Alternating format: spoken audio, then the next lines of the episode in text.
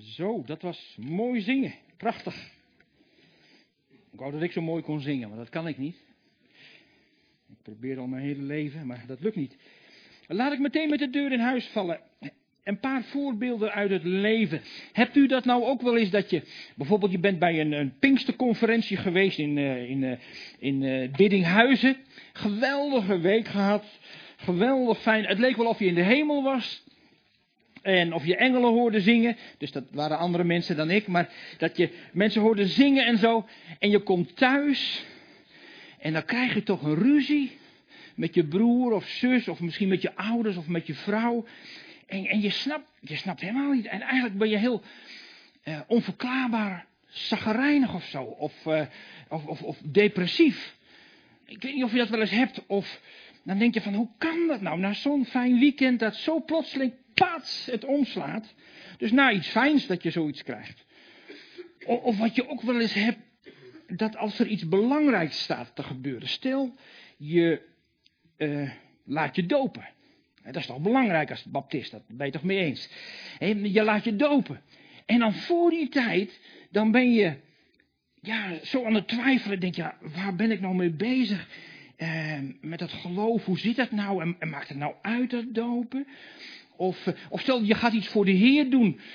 We hebben we bij Open Doors, een collega Peter heeft het heel vaak. Dan gaat hij, bijvoorbeeld moet hij naar een, een gesloten land, naar de christenen helpen, de vervolgde christenen. Hij zegt, en dat gebeurt zo vaak, dan net voordat ik wegga, wordt een van mijn twee dochters ziek. En ernstig ziek, niet een griepje, dan kun je wel gaan, maar ernstig ziek. En dan zit je met je geweten, als goede vader en als goede christen kun je toch eigenlijk niet weg. Dus dan ernstig bidden en met zijn vrouw overleggen. Hij zegt, en dan ga ik toch. En op het moment zegt hij dat ik in, op Schiphol ben en ik stap in het vliegtuig, krijg ik nog even een sms'je of zo, een appje van mijn vrouw. Je dochter is beter. Hij zegt dat gebeurt niet één keer, komt heel vaak voor. Of uh, misschien hebt u dat wel eens dat je, misschien je wilt gaan bidden. Je hebt een bidstond of je gaat echt een dag vasten en je gaat bidden uh, voor iets belangrijks. En dan krijg je plotseling een berg onreine gedachten. Of je voelt je depri of, of hoogmoedig. En denk je, waar komt dat nou vandaan, zeg hij? Dat ik plotseling zo buiten mijn boekje ga. Of je wordt opstandig. Weet je wel van, ik doe het niet en God dit en dat. En, en dat krijg je vooral als je eigenlijk een beetje moe bent. Een beetje uitgeput. Dan krijg je die rare dingen. Dan van achteren valt daar iets aan. Dus vaak is het voordat er iets belangrijks gaat gebeuren. Of juist na iets. En uh, denk je, hoe kan dat nou? En vroeger had ik dan, durfde ik niks te zeggen. Ik denk, ga me niet bieden. Nou, met zulke gedachten voor God komen. Of, nou, of, of, soms met een preek op zondagmorgen. Dan heb ik net thuis ruzie gehad met mijn vrouw. Denk ik, ik kan toch hier niet gaan praten? Dat, dat is heiligschennis. Ik, dan, dan heb je van die momenten, denk je, ik stop er maar mee. En in de Bijbel hebben we daar ook wat voorbeelden van. En ik wil daar iets over delen. Iets wat me al jaren enorm heeft geholpen in mijn geloof. En dat is al een hele tijd. Een halve eeuw bijna. Maar uh, deze kaart heb ik wel eens eerder laten zien. Ja, sommige oudsten die, waar ik net mee sprak, die zeggen ik heb die kaart nooit gezien. Ik denk ja, je moet beter, beter opletten. Ik zal zijn naam niet noemen. Maar goed, vooruit. nee hoor, maakt niet uit. Een grapje. Maar wat ik geloof. Hoe zei ook alweer een secretaresse bij Open Doors, die zei dat altijd. Die zei, in elk geintje zit een seintje. Nou ja, goed. Um, wat ik geloof, dat. Kijk, dit is eigenlijk hetzelfde verhaal als de um, tabernakel. Ik denk dat de tabernakel is het beeld van het christelijk geloof zoals God het bedoeld heeft. Het werk van Jezus Christus. En dit is precies hetzelfde verhaal. De woestijntocht, dat is het beeld van het christelijk geloof. Zoals wij het ervan gemaakt hebben. Met allerlei ups en downs en bobbels en hobbels. Nog even in het kort. Ik ga zo direct punt 3 behandelen. Maar je leeft als slaaf in het uh, slavenhuis van Egypte. En zeg maar het beeld van de farao, dus het beeld van de duivel, die houdt je vast. En door het bloed van het lam aan de deurposten te smeren, uh, werden ze verlost van hun slavenhuis. En toen gingen ze op weg en toen kwamen ze door de Rode Zee, dus het beeld van de doop. En dan gingen ze verder op weg, komen we zo straks hier. En bij vier is uh, de wet op de berg Horeb. En de Bijbel zegt dat wij de wet op, op ons hart krijgen. Dat is het beeld van de vervulling met de Heilige Geest. En dan ga je op weg. Uh, en dan mag je het beloofde land binnen. Maar hier, bij punt 5, mogen ze binnen, maar ze durven niet. Angst voor mensen spant een strik, zegt de Bijbel. Als je bang bent voor mensen of bang bent voor situaties, dan houdt ons dat tegen. En er zijn een heleboel rare dingen gebeurd. Ze hebben daar 37 jaar rondgezworven, iets meer 37 en een half jaar. En daar wil God niks over schrijven. Is volkomen waardeloze tijd, volkomen uh, verloren tijd. Wat je in de Bijbel leest in Exodus is de eerste anderhalf jaar. Is dat dan punt 5. En de laatste anderhalf jaar. Dat lees je dan uh, precies in nummer 20, vers 1. Daarvoor zit 37 jaar waar God niet over wil schrijven. En uh, dat is hier allemaal. Daar gaan we nu niet over hebben. En hij zegt, hier zei hij, terug naar de Schelfzee. Dat is de enige keer, enige keer dat God zei, morgen, morgen moet je terug naar de Schelfzee. En dat hebben ze 37 jaar niet gedaan. Pas na 37 jaar zijn ze terug naar de Schelfzee gegaan. Jammer van hun tijd. En ik hoop dat wij dat niet hebben. Dat we 37 jaar verliezen van onze kostbare tijd. Want je hebt maar één leven. En dat zou toch jammer zijn als je daar de helft van verloren is in Gods ogen. Wauw, dat is wat. Goed, en dan terug naar de Schelfzee. En dan gingen ze om Edom heen en om Moab. En, en hier bij punt 9. Dat is het diepste punt op, hele aarde, op de hele aarde waar je met droge voeten kunt lopen. Is 400 meter beneden zeeniveau, is nergens op de aarde. En dat is niet toevallig dat God dat zo gemaakt heeft. En als je daar doorheen gaat door de Jordaan, dan kom je in het beloofde land. Het beloofde land is niet in de hemel. Uh, want in het beloofde land is ook strijd. En in de hemel is geen strijd meer. Dat is een ander verhaal, mag wel. Dat je het hebt over de doodsjordaan. Dat is wel een aardig beeld. Maar niet dit beeld. Dit beeld is hier op aarde. Maar, oké, punt 3. Um, bij punt 3 had je dat dus ook. Daar had je die halleluja-stemming na punt 2. Dat was na de doop, na de Rode Zee. Dan waren ze de Heer die aan het loven en aan het prijzen. Mirjam was 90 jaar en die liep dan met de tamboerijn te zingen. En alle vrouwen erachteraan. Dat wou ik hier ook wel eens zien. Zo'n oude dame van 90 die dan zo enthousiast is voor de Heer. Geweldig. En dan punt 4 de vervulling met de Heilige Geest. Die Amalekieten die hadden ook later kunnen komen, maar die kwamen daar. Dat is het Amalek en dat is niet toevallig. Dat is niet toevallig, is op dat punt. Nou, wauw. Um, ja, Amalek. Ga ik het over hebben. Wat een ellendeling. Ja, dan mag je verder nooit meer zeggen hoor tegen andere mensen. Zo, wat ben jij een ellendeling? Maar wel tegen Amalek. Amalek is echt een ellendeling. We gaan lezen Eerst wat je wel vaker hebt gehoord op de zondagschool. En daarna, daar ga ik even wat over vertellen. En dan later wat je nog niet hebt gehoord op de zondagschool, denk ik. Maar er staat. Toen kwam Amalek en bond de strijd aan met Israël in Rafidim. Mozes zei tegen Jozua: Kies mannen uit. Voor ons uit en trek op. Bind de strijd aan met Amalek. Morgen zal ik op de top van de heuvel staan met de staf van God in mijn hand. En het gebeurde als Mozes zijn hand ophief, dat Israël de overhand had. Maar als hij zijn hand liet, neerliet, dat Amalek de overhand had. De handen van Mozes werden echter zwaar. Daarom namen zij een steen en legden die onder hem, zodat hij erop kon gaan zitten. Aaron en Hur ondersteunden zijn handen, de een aan de ene kant en de ander aan de andere kant. Zo bleven zijn handen onbewegelijk totdat de zon onderging. Zo overwon Jozua Amalek en zijn volk met de scherpte van het zwaard. Toen zei de Heer tegen Mozes: Schrijf dit ter gedachtenis in een boek. En prent het Jozua in dat ik de herinnering aan Amalek van onder de hemel geheel zal uitwissen. En Mozes zei: De strijd van de Here zal tegen zijn, van generatie op generatie. Een paar dingen hierover. Het nauwkeuriger bekijken. Dat heb je vast op de zonderschool geleerd over die handen omhoog. En dan hadden ze de overhand. Deed Mozes zijn handen omlaag. Dan verloren ze. Daar. Uh,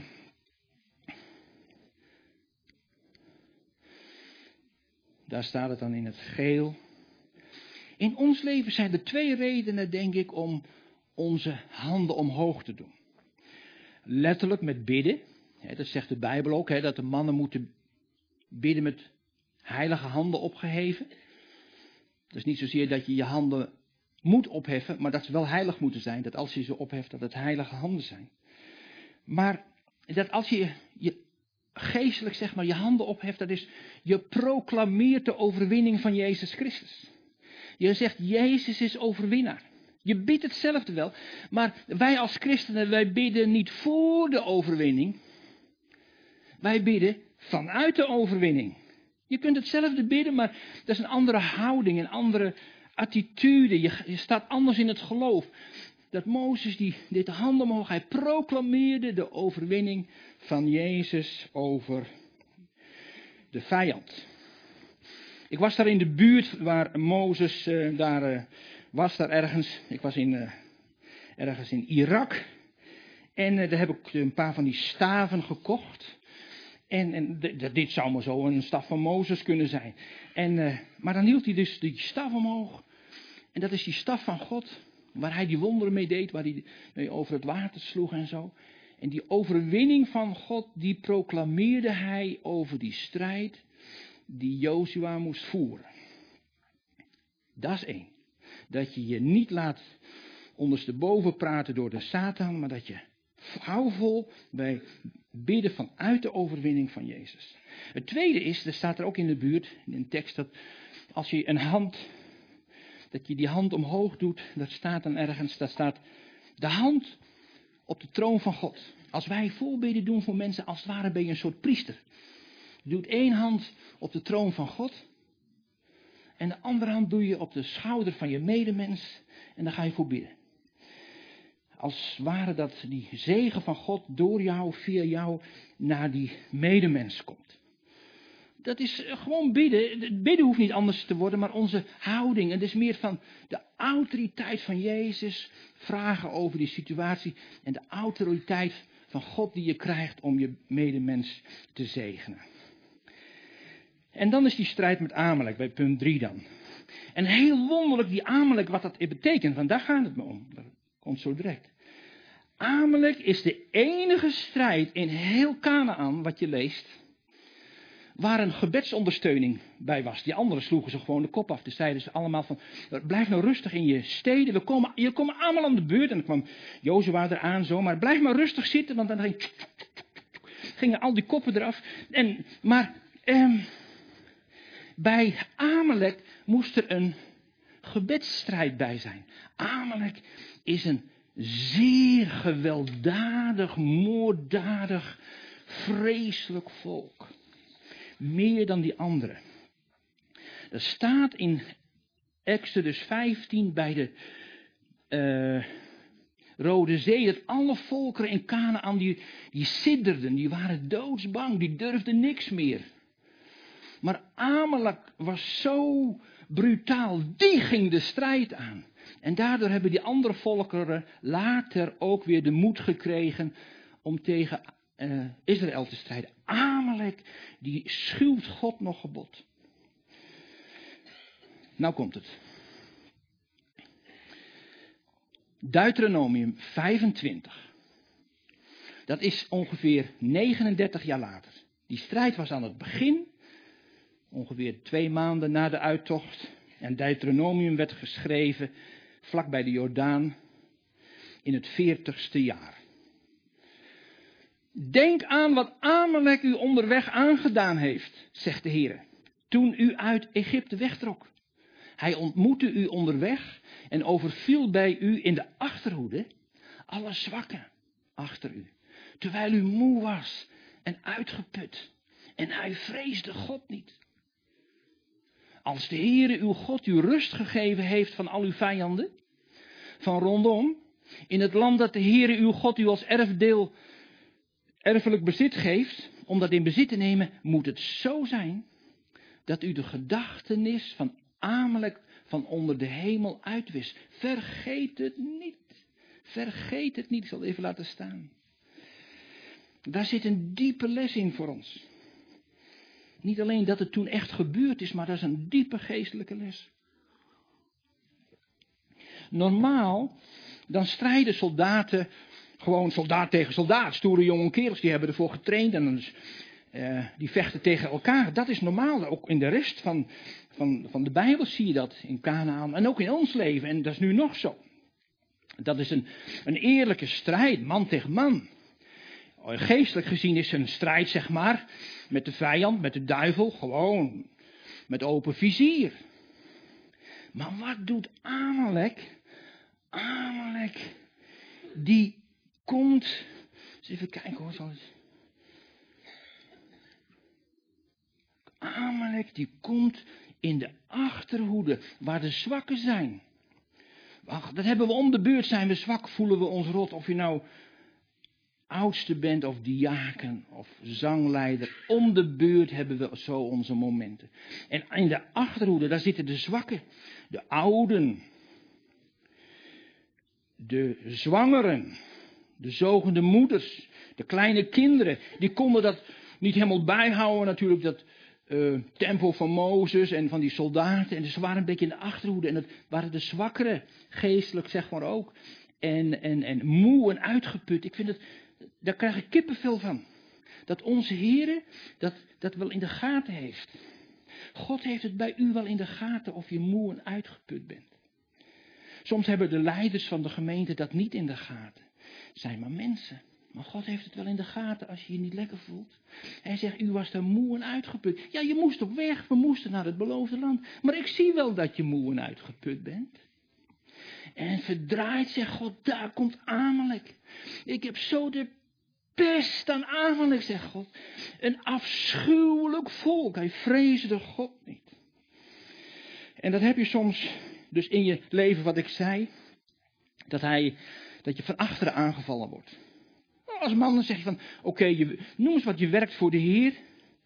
En dan, dan eigenlijk tegen de duivel weer zeggen, val mij dan aan. Dat ik me rot voel.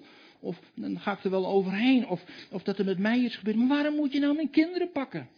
Waarom een zwak kind? En dan zit je als vader en denk je, ja, dat was in Rusland ook zo met die vervolgde christenen. Met name de vrije baptisten in Rusland hadden daar heel erg onder te lijden. Georgi Fins en dat soort mensen, dan waren zij, werkten voor de Heer en zaten soms in de gevangenis. Nou ja, kan slechter. Maar dat, dan zei die zo, bijvoorbeeld, eh, dan ben ik dat naam even kwijt, ik geloof Natasha Vins of zo, die jonge dochter, die zegt, ja wij op school als kinderen van zes jaar, wij werden vervolgd. Omdat onze ouders een christen waren. Wij mochten niet meespelen, wij werden door de andere kinderen geslagen omdat papa een leider van de baptisten was. En dan denk je, waarom is zo gemeen? En dat is wat de duivel doet. Je Amalek, die komt als je je zwak voelt. Ook met verleidingen. Ik zeg wel eens vaker dat, bijvoorbeeld stel, vind ik altijd een goed voorbeeld, maar dat, allerlei manier kan dat. Maar stel je bent een zakenman en je hebt drie weken lang keihard gewerkt. Je zit in Hongkong, je hebt hard gewerkt, helemaal uitgeput en moe. En je zit nog wat te drinken in de bar, weet je wel. Er komt een leuke iemand naast je zitten. En Zo gaat dat. Juist als je moe en uitgeput bent. En daarom is het zo belangrijk dat je minstens een dag in de week rust houdt. De Sabbat, de zondag, dat is heerlijk. Het is voor mij geen straf. Ik vind het zo geweldig goed dat God zegt: jongens, rust nou één dag in de week uit. Anders moet je aan zen en aan yoga. En dan moet je naar de psychiater. En, en dan moet je ontstressen. En als je gewoon één dag in de week rust neemt, heb je dat allemaal niet nodig. Scheelt je een berg geld en een boel flauwekul verhalen bij de psycholoog. maar mensen zien dat niet. de Bijbel is gegeven tot ons bestwil. Niet om ons te dwingen. Ik vind het heerlijk, anders zou ik zeven dagen in de week werken. Ik vind werken heerlijk, maar het is oh, zo goed dat God zegt, Ben, doe nou één week, één dag in de week niks. Um, dus als je moe bent en zwak en uitgeput, dan komt Amalek. Als je geen, geen, geen kracht hebt om te blijven staan. En, en God zegt dat hij daar zo'n hekel aan heeft. Dat hij. Er staat verschillende keren in, in de Bijbel dat God daar uh, Amalek uitgeroeid wil hebben. Uh, dus die, die duivel komt aan via je zwakke plek. Dat is voor de een dit, voor de ander dat. Sommigen zeggen, ik heb geen zwakke plek. Ja, dat is misschien nou net weer je hoogmoed. Uh, of, of je voelt je schuldig, dat je tekort schiet. Wat de Bijbel zegt, de geest is wel gewillig, maar je vlees is zo zwak. En Amalek komt om je bij je vlees te pakken. En dan zegt God, die zegt daar, wij, waar, waar stond dat? Het vorige even kijken. Dat God zegt dat wij moeten Amalek uitroeien. maar dat hoef je niet zelf te doen. God helpt erbij. Het is Gods strijd. Het is raar. God heeft een strijd. Hallo. God heeft een strijd met een volk van geslacht op geslacht. Dat heeft hij nog nooit van een ander volk gezegd of van een mens. Maar van Amalek wel. En hij zegt je moet het uitwissen. Jullie moeten het doen. Vergeet het niet. Raar hè? En, en dan moest je, moest hij, er staat dan Jozua inprenten. Je denkt, ja, waar praten we nou over? Jozua, die heeft zelf die strijd gevochten.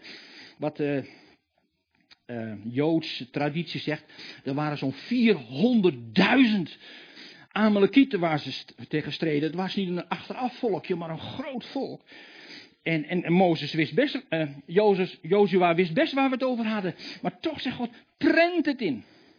Dat niet Jozua aan het eind van zijn leven het is vergeten. Prent dit in. Stam, stam, stam. En het is voor elke nieuwe generatie dus ook voor u. De Bijbel zegt, wij hebben niet te strijden tegen vlees en bloed. Even kijken, deze hebben we gehad net. Oh, die, deze nog, dat is wat ik zei.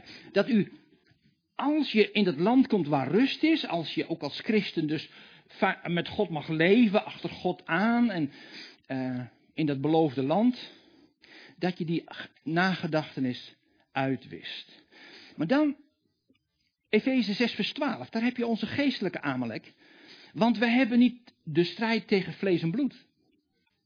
Maar tegen de overheden, tegen de machten, tegen de wereldbeheersers van de duisternis van dit tijdperk.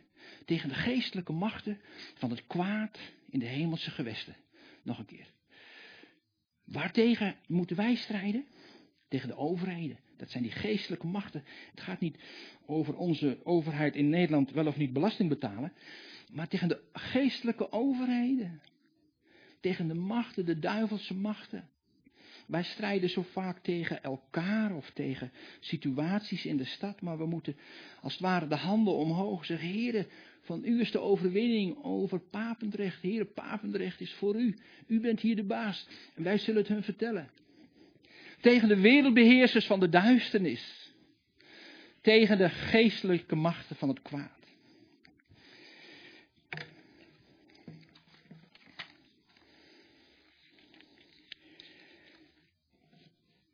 Even in kort, wat betekent uh, in Rafidim, daar kwam Amalek. En wat betekent die naam? Dat is ook weer zo heel leerzaam. Rafidim, of Refidim, in het Hebreeuws heb je geen klinkers, geen A of een E. Dus uh, Refidim, Refidim of Rafidim betekent rustplaats. Net toen ze uh, hier weggevlucht waren uit Egypte, hadden ze waarschijnlijk dag en nacht doorgelopen, staat er in de Bijbel. En dan waren ze heel druk geweest en hier allemaal emoties en zo. En toen dachten ze, hé, nou even lekker uitrusten. Dus nou, hè, hè. We zijn moe, nou willen we even uitrusten. Ach, ach, ach, ach. En dat is Rafidim. Juist die plaats waar je uitrust, of juist die plaats waar je het niet verwacht. Dan denk je van die mooie, in de, normaal zit je in de woestijn en dan heb je daar die mooie oases en een groene weide. Dan denk je, ah, even uitrusten. Hier hebben we geen vijand. pats, en dan komt Amalek, die valt je van achteraan. Dat is waar ze dat doen. Als je moe bent of als je het niet verwacht. Eén van die twee. Als je moe bent of als je het niet verwacht. En daar komt Amalek als alles rustig is. En wat betekent Amalek? Wow. Amalek. Amalek komt van het Hebreeuwse woordje amal. Amal, Amalek. En dat is in het Hebreeuws zo, als er twee of drie letters hetzelfde zijn in een woord, dan heeft dat altijd directe betekenis. Dat is anders dan in het Nederlands.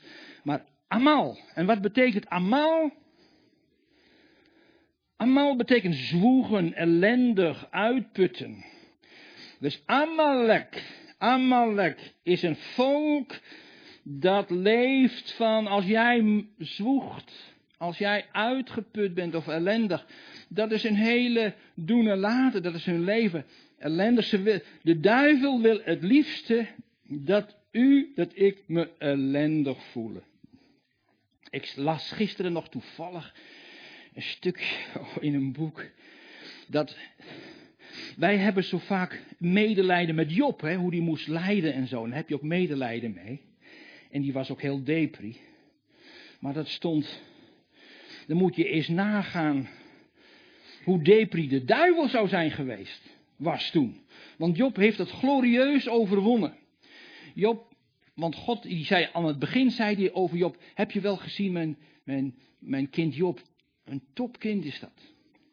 En toen aan het eind van het hele verhaal ook weer zei God over Job, dat hij, ja, hij was geslaagd. En uh, zo'n heel verhaal. Maar wat moet de duivel zich ellendig gevoeld hebben, zeg? Want, die, die, want Job heeft, ondanks, die heeft laten zien, wij ook, Job heeft laten zien dat we God niet volgen omdat het goed gaat. Dat is wat de duivel denkt. De duivel denkt dat u God volgt omdat het goed gaat. Nee, maar het wonderlijke is, en de overwinning in de naam van Jezus Christus is, dat u God volgt, ook als het slecht gaat. En daar heeft de duivel geen weerwoord op. Een enorme afgang. Eh, dus we moeten meer, nee niet echt, maar ik wou bijna zeggen, medelijden met de duivel hebben, want die is volkomen onder, ondersteboven gegaan.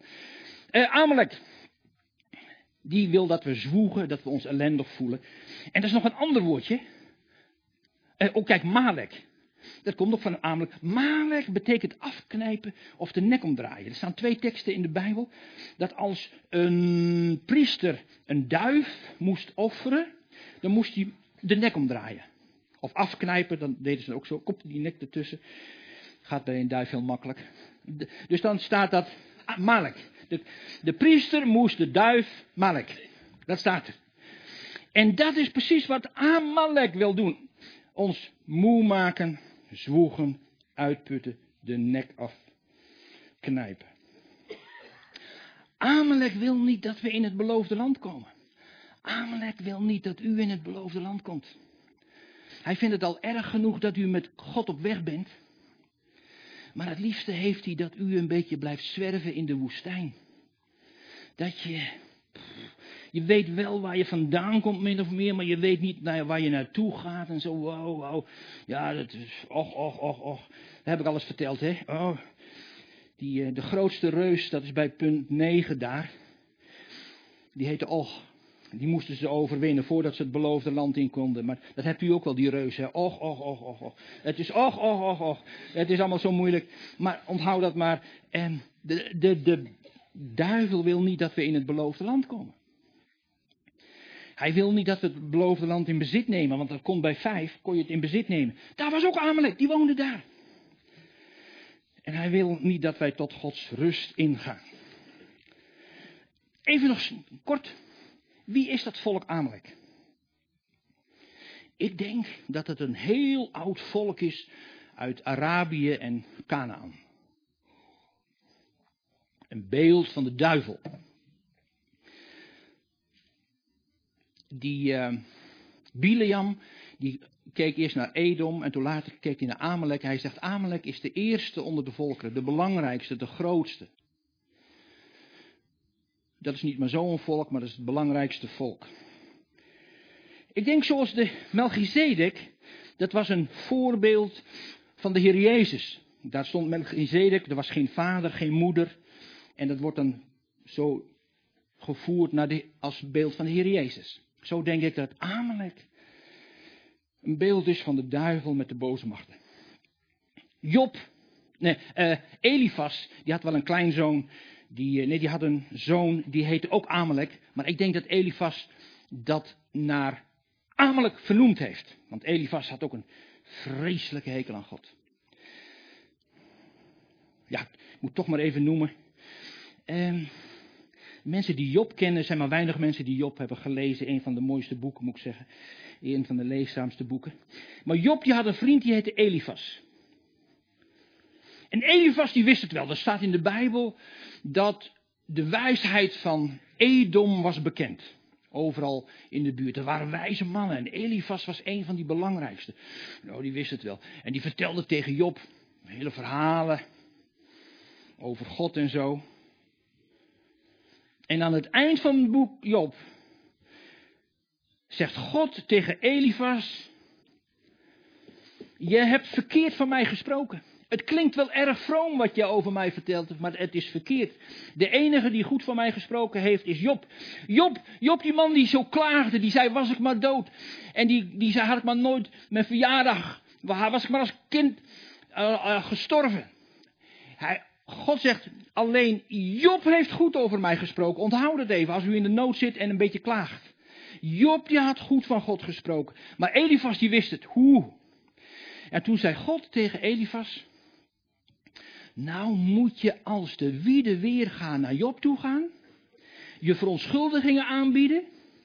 En vragen of hij voor je wil bidden. Anders loopt het slecht met je af. De Elifas. Wow. En de Bijbelkenners die weten het wel. Net zoals bij Achitofel. Zijn raad werd niet opgevolgd. En hij verhing zich. Oh, die mensen waren zo hoogmoedig met, met die wijsheid. En was Elifas ook. Ik denk dat zijn zoon Amalek geboren is na dit voorval. Amalek was een zoon van hem, van een bijvrouw, waarschijnlijk op latere leeftijd. Het was even voor de Bijbelkennis, was, kennis, was tussendoor. En dus de les voor ons, laat je niet uitputten. Neem voldoende rust. Laat je niet beschuldigen. Beschuldig elkaar niet. Want dat vindt de duivel leuk. Bid voor elkaar. Met opgeheven handen. Heer, ik bid voor hem. Mag je ook in de samenkomst doen, maar ook thuis als je alleen bent. Zeg je, Heer. Maar het gaat meer om het geestelijke beeld. En ga met je strijd naar God toe. God die wil je die overwinning geven. De strijd is des Heren. Zie op Jezus. Alleen krijg je geen overwinning op Amalek. Alleen door de kracht van Jezus. En Amalek die kom je heel vaak tegen in je leven. Wat ik zeg, bij punt 5 kwamen ze Amalek weer tegen. Ze konden het beloofde land niet in. In Richteren staat dat Gideon, die was aan het, uh, in de wijnpers, was hij bezig met graan. En daar staat toen, aan Amalek kwam het land binnen. Dat was in het beloofde land, kwam Amalek binnen. En het land staat er, het land was zeer verarmd. Dat heb je ook als gemeente. Als je Amalek toestaat, dan wordt de gemeente zeer verarmd. Sta dat niet toe. Of later, Haman, weet je wel, met Esther, die wilde toch al die Joden om, ombrengen. En er staat, Haman de Agagiet. Haman was een nakomeling van Agag. Dat was de koning van Amalek. En de laatste is, wauw. Saul. Saul was de koning van Israël. En de Heere had gezegd tegen Saul, nou heb je alles daar overwonnen zo in de buurt, ga en strijd tegen Amalek, roei ze uit. Zij God, door Samuel. En dan ken je dat verhaal wel, toen was er, uh, op een gegeven moment, toen kwam Samuel en toen had die koning Agag was in het leven gehouden en alle de goede schapen en zo. En toen had Saul wat vrome praatjes en zoiets. En uh, had hij van Amalek had hij de in het leven gelaten. Het beeld van de duivel, dat was niet maar zo iemand, maar hij had de koning in het leven gelaten. En lees maar eens in 2 Samuel 1 vers 10. toen had Samuel, die had een strijd tegen de Filistijnen. Dat zijn die zwarte stipjes hier, vijf Filistijnen, komen we ooit nog wel eens op terug. Hoop ik. En eh, daar had, Saul had daar een strijd tegen. En dan staat er over een Amalekiet. Ja, het was helemaal niet de strijd tegen Amalek, maar dat was een Amalekiet. En David zegt, wat kom je hier doen? Ja, hij zegt, ik was een beetje aan het rondlopen daar in de, in de velden en zo toevallig. En uh, daar had hij niks te maken er was geen strijd. Er was een strijd tegen de Filistijnen, niet tegen Amalek. Maar hij zegt, ja, ik liep daar een beetje rond en toen zag ik uh, Saul daar. En toen zag ik dat hij een beetje zwak was en dat hij er ongeveer aan het einde was. Hij zegt, toen heb ik hem maar doodgeslagen. De Amalekiet heeft Saul doodgeslagen. Hij zegt, en ik heb zijn kroon van zijn hoofd genomen. Kijk maar, diadeem staat. Daar krijg ik kippenvel van. Die had er niks te zoeken, die Amalekiet. Maar uiteindelijk is Saul vermoord door een Amalekiet en is zijn kroon van zijn hoofd gehaald. De koningskroon. En wij zijn koningskinderen. Als wij Amalek niet om zeep helpen, dan komt Amalek een keertje bij ons en die haalt u of mij de kroon van het hoofd. Dat wil niet zeggen dat je naar de hel gaat. Ik, je gaat misschien best naar de hemel. Maar je bent je koningskroon kwijt. Dat wij als een koninklijk priesterschap, een heilige natie door het leven gaan. Dat ben je kwijt. Wauw. Wat moet ik nog meer zeggen? Dus mijn verhaal begon. Vroeger had ik soms plotseling ruzie. Ik denk, hoe kan dat nou? Of nare gedachten, of depri. Eh, soms zit je echt fout, dat is een ander verhaal. Maar soms komt het maar zo bo bovendrijven. Of een collega die waar een kind ziek is. En die kennis heeft me enorm geholpen. Dat ik gewoon denk, ga maar gewoon door. Dit, daar hebben we Amalek weer. En een gewaarschuwd man telt voor twee. Ga in de overwinning van Jezus Christus staan. Ga de strijd aan in je leven in de naam van de Heer Jezus. Hij geeft de overwinning. Zullen we eindigen met gebed?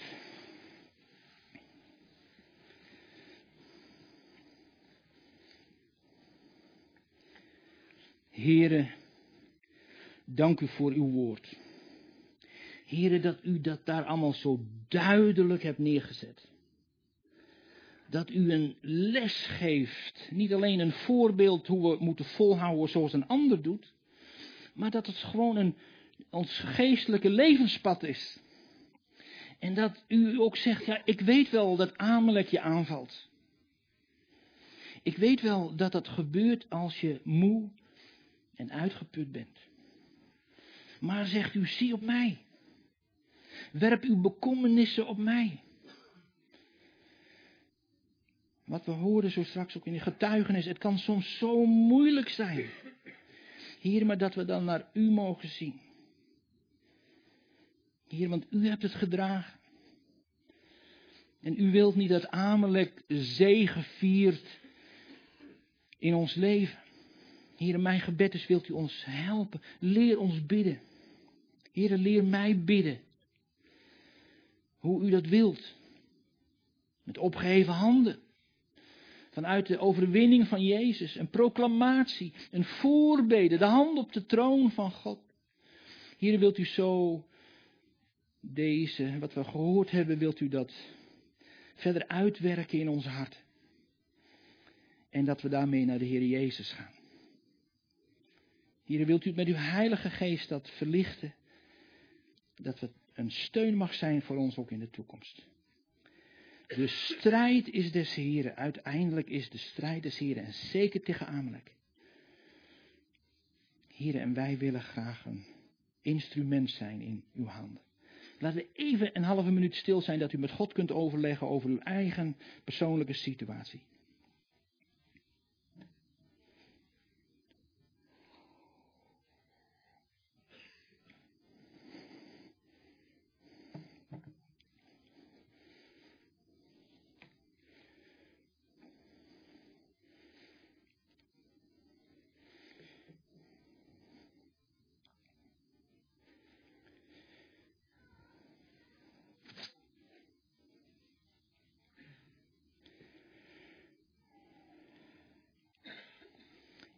Naam. Amen. Zullen we nog een lied zingen? En dan gaan we met de zegen naar huis.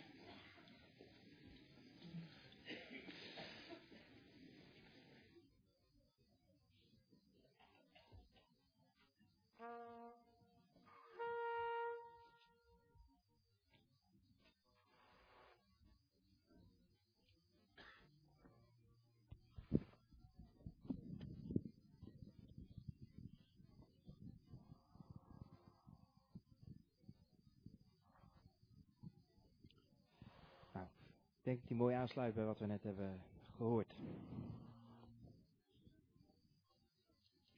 Zullen we staan met elkaar zingen wat de toekomst eh, brengen mogen?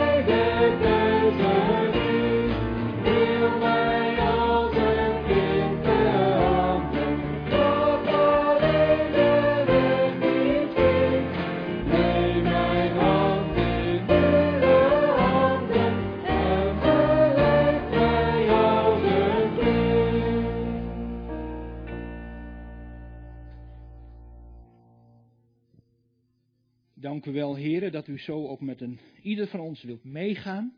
Hier dat we ook elkaar de zegen mogen toebidden. De hand op de troon van God. En dat de zegen van de Vader, de Zoon en de Heilige Geest met ons meegaat. Totdat Jezus terugkomt. En daar zien we naar uit. En daar leven we uit.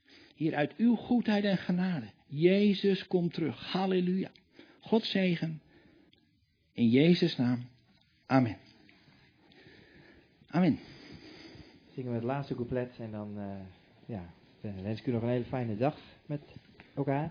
En uh, veel gezelligheid ook bij de koffie en goede gesprekken.